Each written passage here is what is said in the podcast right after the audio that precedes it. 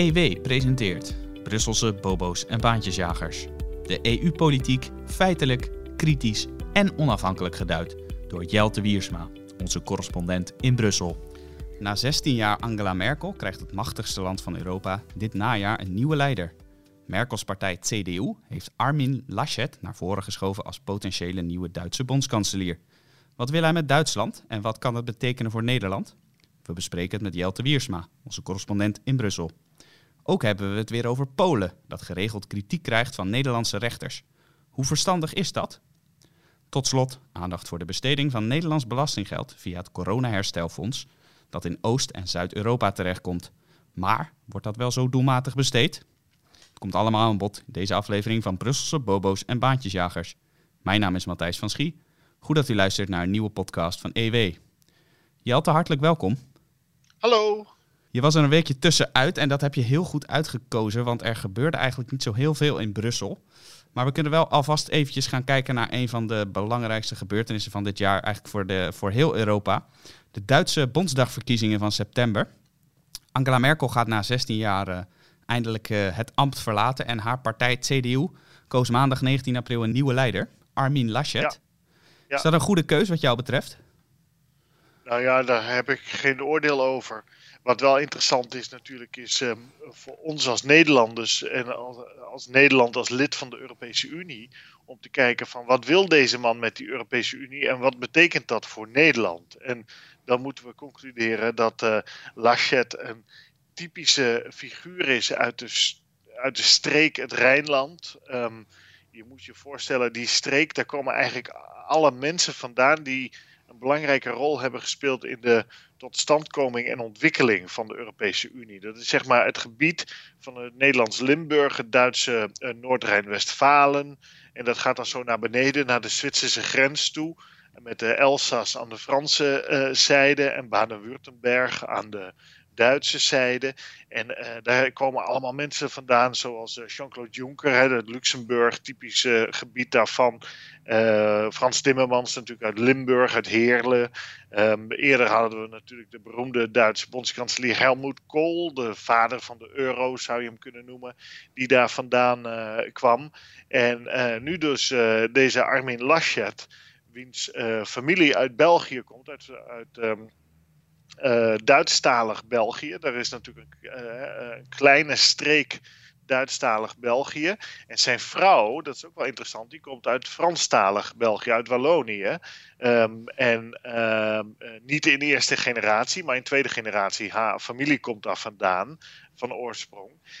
Zij heeft ook een Franse naam en hij heeft zelf natuurlijk ook een Franse naam. Dus dat is een heel interessante figuur wat dat betreft. En die past helemaal in dat plaatje van die Rijnlanders, die zo'n uh, cruciale rol altijd hebben gespeeld in uh, de totstandkoming en verdere uitbouw van die Europese Unie. Dat gebied, daar was op een gegeven moment van alle topspelers in de Unie waren vijf van de zes mensen daaruit afkomstig. En die praten ook een soort dialect met elkaar. Die konden elkaar ook verstaan. Dan ging het over Timmermans, Juncker, uh, Martin Schulz, de toenmalige president van, of voorzitter zoals wij in Nederland zeggen, van het Europees Parlement. Die spraken gewoon een soort Rijnlands.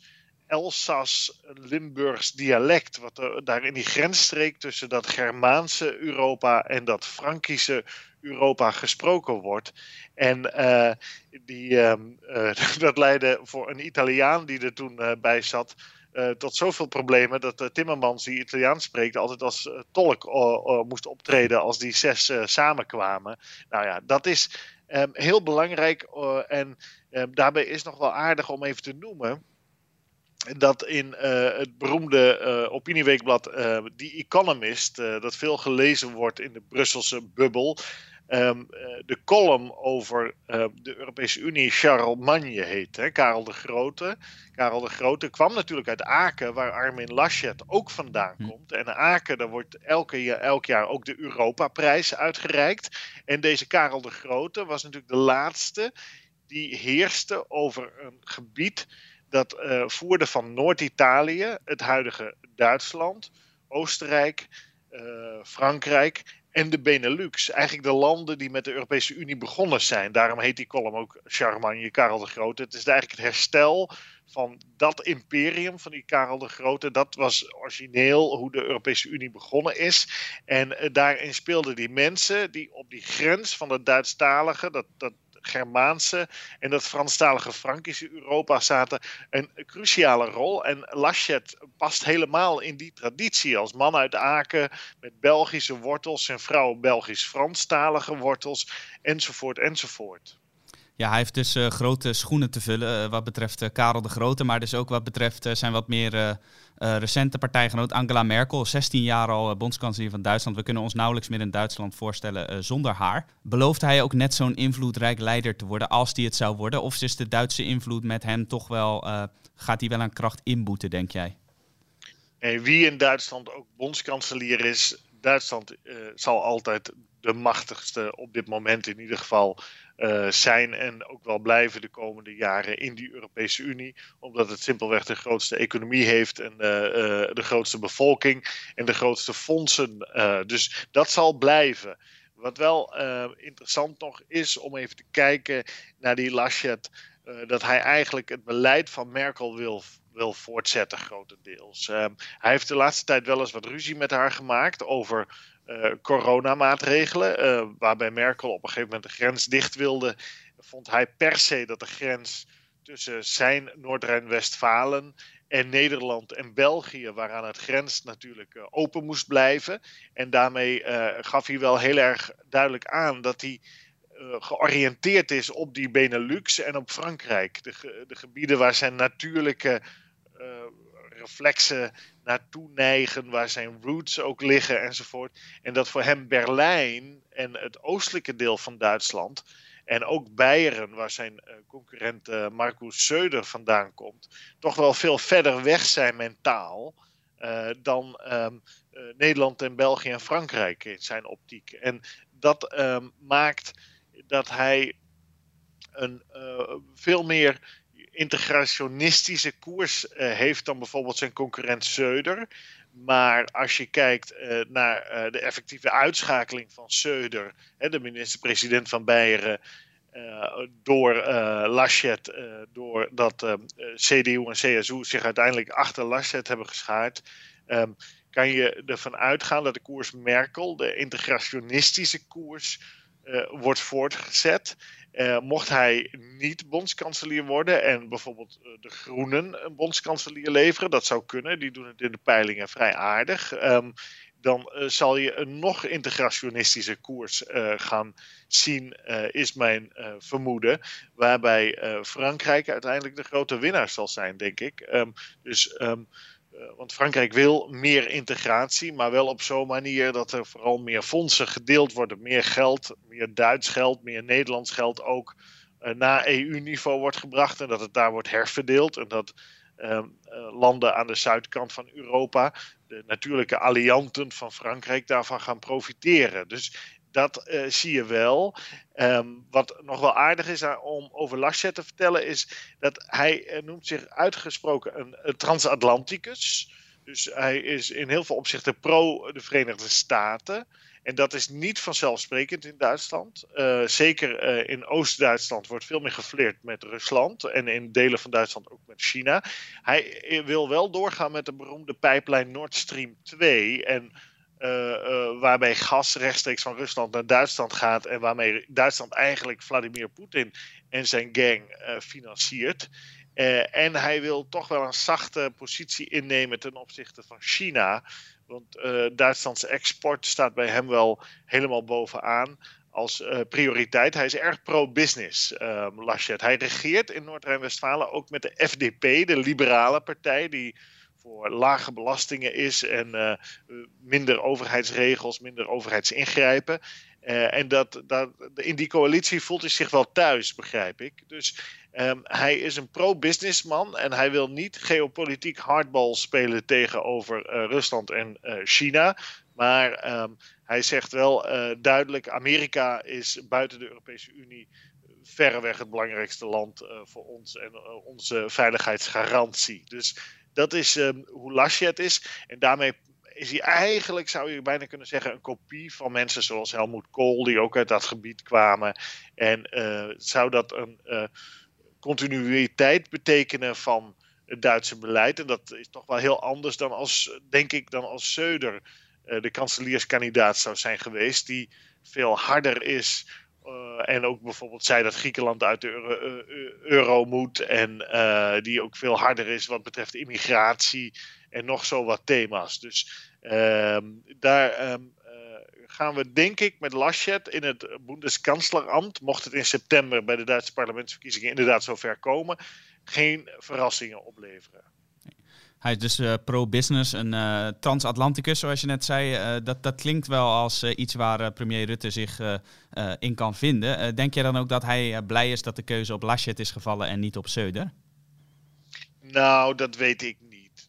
Kijk, er zijn natuurlijk een aantal thema's waarop Nederland harder is dan Laschet wat betreft de financiën.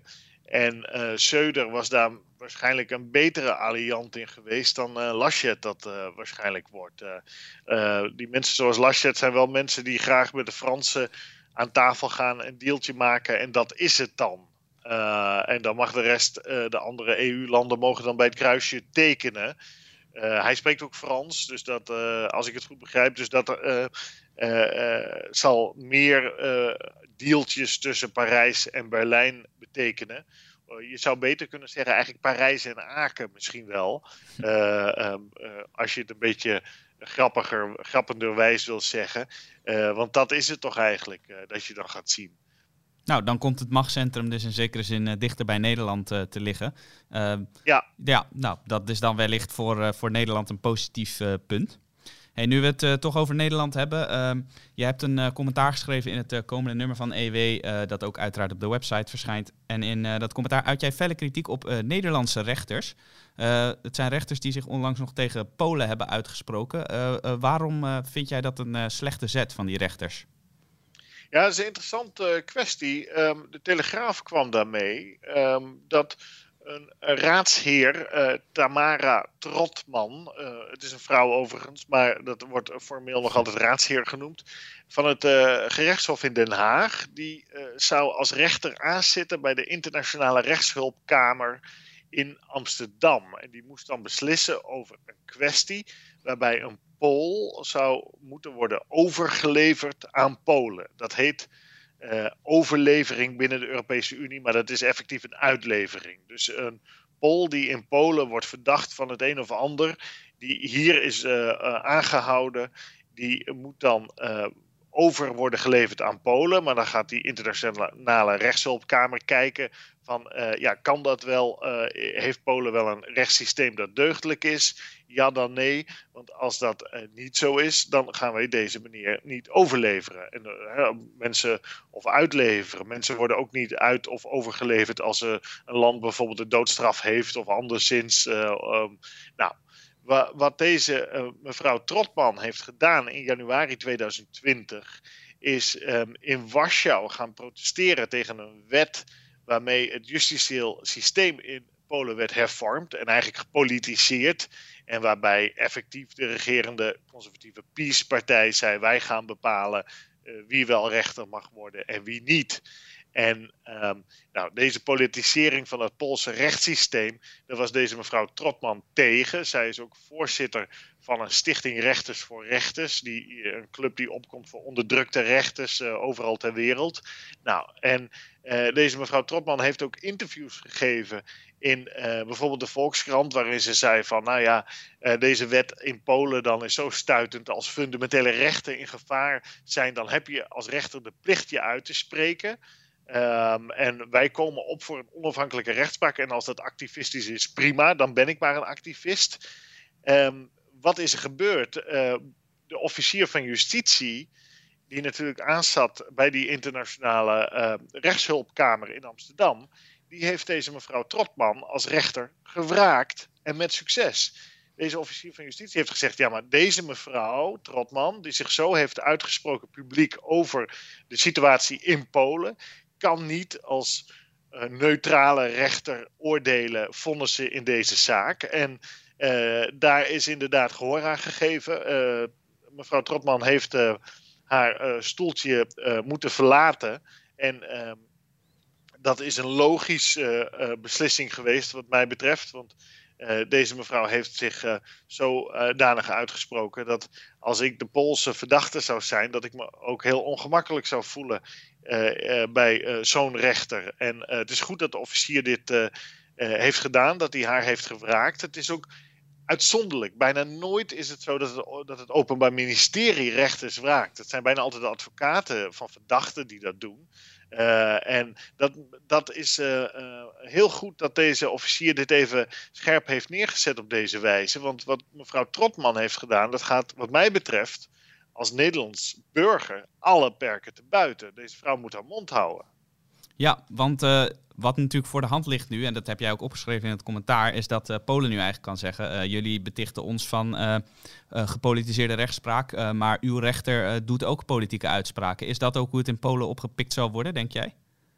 Nou, dat weet ik niet hoe het in Polen is opgepikt, maar het is wel duidelijk dat de Polen heel scherp elke keer zijn over wat er in Nederland gebeurt. In Nederland worden ook rechters politiek benoemd, al was het maar uh, in, bij, de, bij de Hoge Raad zijn politieke benoemingen. Bij de Raad van State zijn politieke benoemingen. Dus um, je moet daar sowieso voorzichtig mee zijn als je anderen de maat gaat nemen. Als je niet eerst zelf eens je eigen kennis op orde hebt over hoe het in eigen land gaat. Maar um, wat belangrijker is, dat deze raadsheer dus zegt: je hebt de plicht als rechter om je uit te spreken. Nou, dat is niet zo. Juist niet. Zij moet absoluut haar mond houden. Alle rechters in Nederland moeten niks zeggen. Dat is absoluut uit den boze. Een rechter moet zijn mond houden. Een rechter spreekt alleen bij vonnis. Zo, zo, staat het ook opgeschreven in de wet. De rechter spreekt bij vonnis. En daarin heeft de rechter bijna absolute vrijheid. Hè? Uh, een rechter heeft natuurlijk, uh, behoudens de wet, heel veel vrijheid om te zeggen wat hij of zij, of in een driemanschap als het een meervoudige kamer is, om te zeggen wat ze vinden van een bepaalde kwestie. En een rechter moet niet daarbuiten ook nog allemaal opvattingen gaan ventileren. Dat is, kijk, het recht, een rechter heeft het um, recht om recht te spreken. Dat is een voorrecht om zo'n positie te bezetten. Maar dat betekent ook dat je jezelf moet disciplineren en geen politieke uitspraken moet doen in het publieke domein. Dat moet je nooit doen. En dat deze mevrouw haar rechterspositie dus anders opvat en ook vindt dat andere rechters hun positie anders moeten opvatten en de plicht hebben zich uit te spreken over kennelijke misstanden in andere landen, dat gaat alle perken te buiten. En ik mag toch hopen dat de Raad van de Rechtspraak, hè, die erover gaat, dat die alle rechters nog eens even uh, een briefje stuurt en zegt: jongens, mond dicht. Dit is niet aan ons. Uh, wij hebben het recht om recht te spreken per vonnis. Zo communiceren wij met de wet in de hand. Uh, dat is ons privilege, maar dat privilege brengt ook een verplichting met ons mee dat we ons disciplineren in het publieke domein. En ja, ik vind het heel zorgelijk, maar ik denk dat deze, deze vrouw is niet geschikt, deze mevrouw Tamara Trotman, uh, als rechter, uh, want haar taakopvatting deugt niet. Ja, hoe had zij dit bijvoorbeeld kunnen oplossen? Want ze zal zeggen, ja, de uitspraak die ik deed, die ging inhoudelijk over deze rechtszaak en dat was noodzakelijk. Maar dit had ze natuurlijk ook op een veel diplomatiekere manier kunnen oplossen. Ja, natuurlijk. als ze haar mond had gehouden, als ze niet in, in Warschau was gaan protesteren of demonstreren, als ze geen uitspraak in kranten had gedaan, als ze niet voorzitter van die stichting Rechters voor Rechters zou zijn geweest, maar gewoon haar mond had gehouden, dan had zij als rechter van de Internationale Rechtshulpkamer in die kwestie over de uitlevering van deze Poolse staatsburger kunnen vonnissen dat deze Pool niet overgeleverd mag worden aan Polen, want het Poolse rechtssysteem is niet onafhankelijk dat had, dat, dan was ze ook veel effectiever geweest natuurlijk in wat zij wilde. Voorkomen dat uh, burgers uh, worden uh, overgeleverd aan landen waar de rechtspraak zodanig gepolitiseerd is dat van een eerlijk proces mogelijkerwijs geen sprake meer kan zijn. En waarmee de burgerrechten van deze Pool dus ges geschonden zouden zijn. Dus zij, zij heeft zichzelf in de voet geschoten. Ik noem het de Poolse poets. Zij heeft zichzelf een poets gebakken want op deze manier heeft ze zichzelf de mogelijkheid ontzegd om te vonnissen in, in zo'n kwestie, in deze zaak. Dus ja, ze heeft mij, mij ermee. Ze heeft als burger, want ik heb toch minder vertrouwen in de, recht, in de rechtspraak als rechters op deze wijze opereren. Ze heeft alle Nederlandse burgers ermee. Uh, ze, heeft, ze, jaagt justitie op kosten, want er moet een rechter gevraagd worden. En dan moet weer een nieuwe rechter worden neergezet. Die moet zich weer inlezen in het dossier. Dus het is ook nog een kostbare kwestie voor de belastingbetaler. En de Poolse verdachte, die heeft er ook niks aan. want um, deze rechter is nu weg. En die had in het geval van deze Pool misschien wel in zijn richting uh, Dus het is op alle, op alle mogelijke manieren is dit zo stom. En ja, ik heb nauwelijks de HAVO af kunnen maken. Maar deze mevrouw is hooggeleerd. Maar die heeft kennelijk het niet helemaal op een rijtje. En ik, ik mag toch echt hopen dat de Raad voor de Rechtspraak hier ingrijpt. en alle rechters op het hart drukt. zorg nou dat, dat jullie dit niet doen. Want dit kan niet. Ja, en wat jou betreft is het wellicht ook goed om te vermelden dat jij al meer dan een jaar geleden, als ik me goed herinner, je hier tegen uitsprak. Jij zei al inderdaad, Nederlandse rechters behoren niet in toga te gaan protesteren. Want dat krijgen ze als een boemerang in hun gezicht terug. En dat is dus ook gebeurd. Ja, dat is de voorspellende gaves van mijn kant zijn natuurlijk eindeloos, zoals iedereen weet. Dat zeg ik met grote, grote ironie. de Nostradamus van de redactie. Ja, zo is het. Maar ja, ik heb het inderdaad al geschreven in januari vorig jaar. Doe dat niet, want het komt. Uh, want zij was niet de enige Nederlandse rechter die in, in Warschau demonstreerde. Er uh, waren veel meer. Ook uit andere EU-landen overigens. Maar de Nederlanders, moralisten als ze zijn, hebben altijd de grootste mond en maken het meeste lawaai. En toen heb ik al inderdaad al geschreven: dit komt als een boemerang bij je terug. En Eureka, het komt inderdaad bijna anderhalf jaar later als een boemerang bij je terug. Ja, geen spel tussen te krijgen.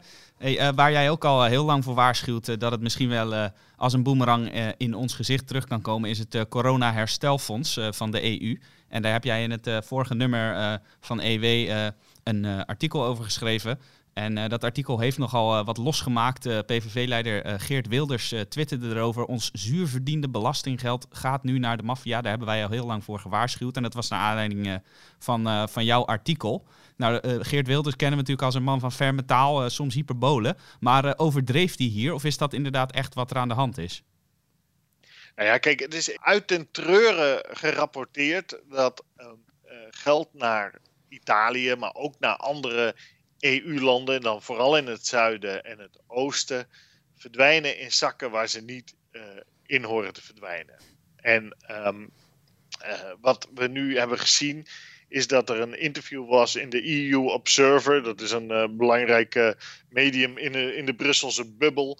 Waarin een uh, hoogleraar criminologie, Vincenzo Musacchiaccio, die heeft gezegd van als um, specialist op dit gebied dat de helft van de 70 miljard euro die van 2015 tot en met 2020 naar Italië is gegaan aan EU-subsidies in de, in de zakken van de maffia, is beland. En allerlei experts in dat artikel van EU Observer die zeggen van pas nou op met het corona-herstelfonds, want daarvan krijgt Italië 209 miljard maximaal, waarbij zo'n 80 miljard een gift is uit onder meer Nederland en Duitsland en Frankrijk.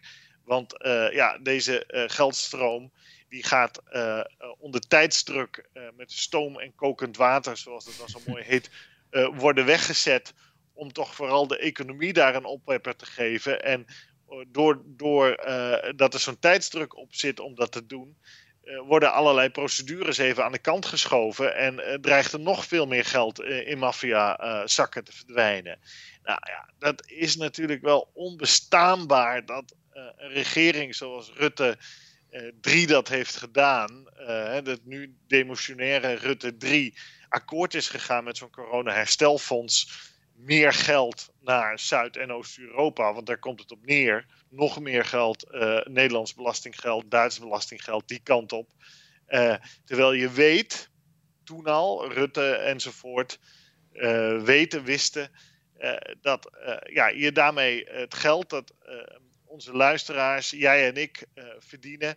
En dat door de belastinginspecteur wordt opgehaald onder eventuele dreiging van geweld. Want als, je, als jij en ik niet betalen, dan komen ze wel aan je deur hoor, van de Belastingdienst. dat wordt dan doorgesluist naar de maffia in Italië. Ja, dat is werkelijk waar verbijsterend, vind ik. en ik, we weten het. En, maar toch, als je er even onderzoek naar doet, dan ben je toch weer verbijsterd dat dat allemaal maar passeert.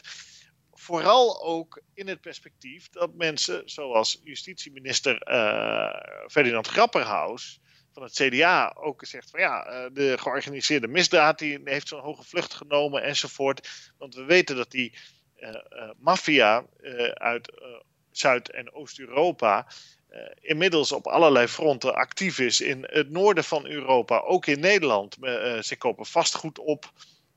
Nederland is een onderduikplaats voor allerlei maffiafiguren. Er wordt af en toe eens iemand opgepakt ook van de maffia op verzoek van de Italiaanse justitie in Nederland. En uh, dat is toch wel een zorgelijke situatie. Dus wij sturen geld daar naartoe via de EU. Dat landt dan in de maffiazakken. En de maffia koopt dan hier weer vastgoed. En uh, de, wa, wist, was, wist, wist dat dan schoon, dat geld. Uh, en drijft in die zin de huizenprijzen hier ook nog weer eens op. En ondermijnt de rechtsstaat en alles wat erbij hoort. Dus dan is de cirkel rond. Het geld komt ook nog weer terug in Nederland. Via een hele ingewikkelde route zou je kunnen zeggen. ik overdrijf het natuurlijk. Ik zet het een beetje scherp aan. Maar als je het helemaal fileert en de ui helemaal afpelt, kom je hierop op terecht. En ja, dat kan natuurlijk niet. Nee, het is een heel pijnlijke kwestie waar er opvallend weinig gewacht van is gemaakt in de media. Gelukkig heb jij dat wel gedaan. Ja, verbazingwekkend is dat. Hè? dat het, er wordt nauwelijks over geschreven, er wordt nauwelijks aandacht aan besteed. Um, terwijl hier miljarden de grens over worden gejaagd. Voor Nederland kan het wel meer dan 20 miljard betekenen. 20 miljard euro. Dat vind ik nogal wat, eerlijk gezegd. Uh, maar goed, uh, uh, zoals het wel vaker in Den Haag gaat over hele kleine dingetjes. Terwijl het, e-, de echt grote zaken die worden genegeerd. En, dus verbaas ik me ook als iemand die niet in Den Haag, maar wel in Brussel rondloopt. Maar goed. Ja. Um, ja, de wonderenwereld uh, van Den Haag uh, is het zo af en toe. Zo is het. Hey, als, we, als we het over de maffia hebben, dan denken we natuurlijk meestal uh, aan Italië. Um, maar dit systeem van geld dat via corrupte, corrupte politici in de handen van vriendjes belandt, of in ieder geval een cliëntelistisch systeem, dat, dat heeft niet alleen betrekking op Italië, want het is eigenlijk zelfs genoemd naar een ander EU-land. Ja, je, nee, je hebt veel meer um, van deze zaken. Kijk, we hebben natuurlijk onze grote vriend uh, Borisov, de premier van Bulgarije, die net herkozen is overigens, althans de grootste is geworden met zijn partij, waarover jij terecht zei overigens in een eerdere podcast dat hij ook een sportieve carrière achter de rug had. Dat had ik niet zo op het netvlies, maar hij is inderdaad een blauwe maandag nog profvoetballer Het is ook niet aan hem te zien dat hij topsporter is geweest, geloof ik. Nee, nee, nee. Hij was vooral bekend natuurlijk als lijfwacht van allerlei communistische figuren. Zo ziet hij er ook uit en hij, had, hij slaapt met een pistool uh, naast zijn bed, wordt altijd gezegd. Nou ja, dat is dus uh, een man die dankzij het corona-herstelfonds ook nog weer eens wat centen in de zakken krijgt. Um, die uh, Borisov die heeft daar een heerlijk systeem. Het, het, Borisov-systeem heet dat, geloof ik, um, als ik het wel heb ja. onthouden.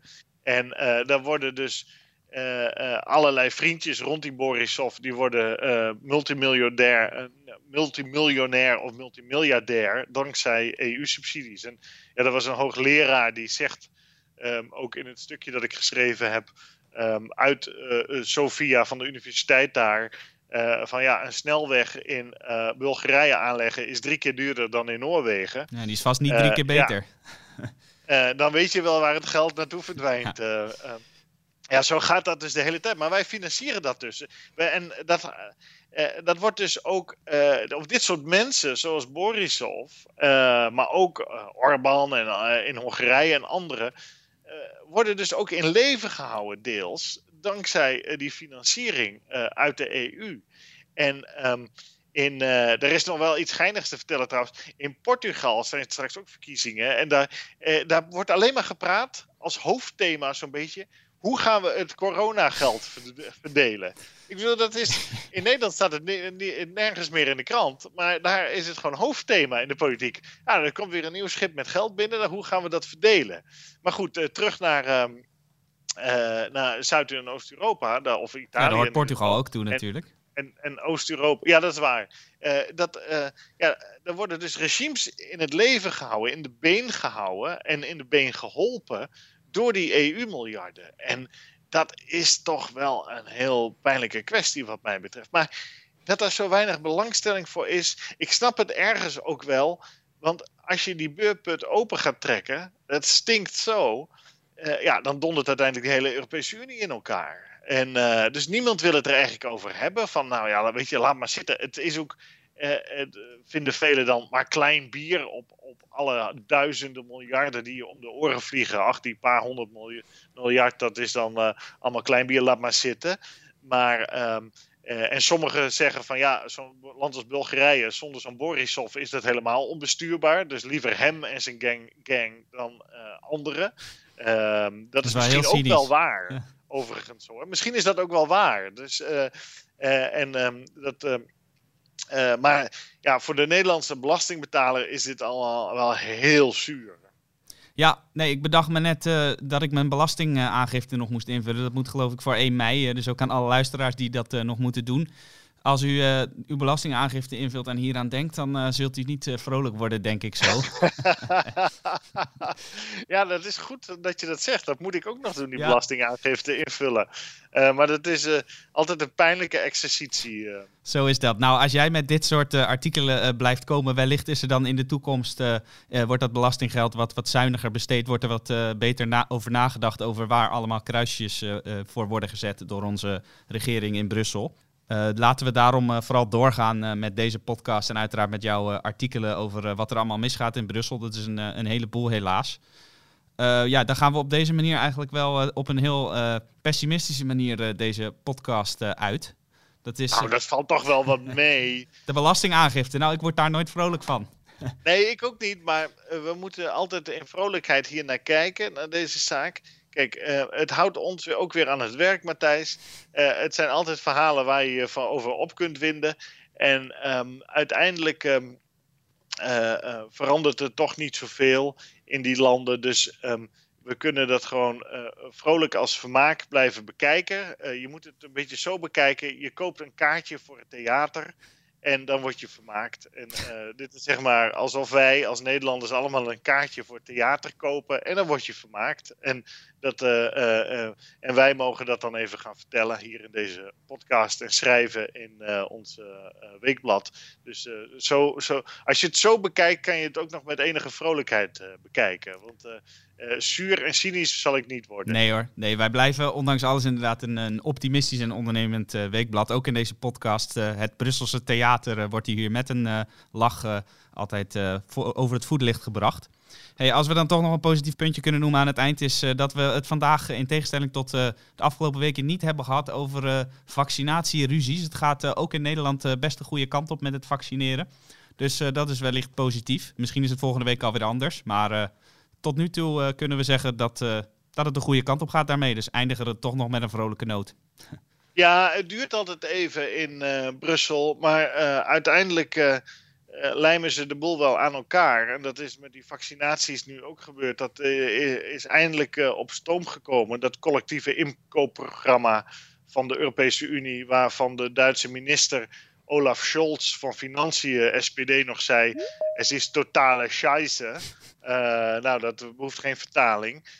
Maar dat is inderdaad op stoom gekomen. Kijk, ze hebben natuurlijk wel nog even Sofagate er weer achteraan gebracht. Kijk, als er iets goed gaat een keer in Brussel, dan zorgen ze er zelf wel voor dat er toch weer theater komt. Het is een gift that keeps on giving. Ik heb al een paar keer geschreven met Donald Trump weg uit het Witte Huis. Vreesden velen dat het leven saai zou worden. Maar toen kwam Ursula van der Leyen en Charles Michel, die heeft zich daar nu ook bij gevoegd. En die hebben um, weer tot, voor vernieuwd uh, vermaak gezorgd. Dus uh, daar kunnen we alleen maar dankbaar voor zijn. Zo is dat. Uh, mooie woorden, Jelte. En uh, op die manier inderdaad kunnen wij uh, deze podcast blijven vullen. En kun jij het weekblad met jouw vele artikelen blijven vullen. En intussen kunt u natuurlijk ook van alles lezen op onze website ewmagazine.nl. En blijft u vooral luisteren naar deze podcast. We zijn weer aan het einde gekomen. Hartelijk dank, Jelte. Graag gedaan. alle luisteraars namens ons beiden het beste gewenst. En graag tot de volgende keer. Hartelijk dank voor het luisteren naar de podcast van EW. Wilt u niets missen? Abonneer u dan in uw favoriete podcast-app, bijvoorbeeld Spotify of iTunes, door te zoeken op EW. U kunt ook luisteren op onze site via ewmagazine.nl/podcast.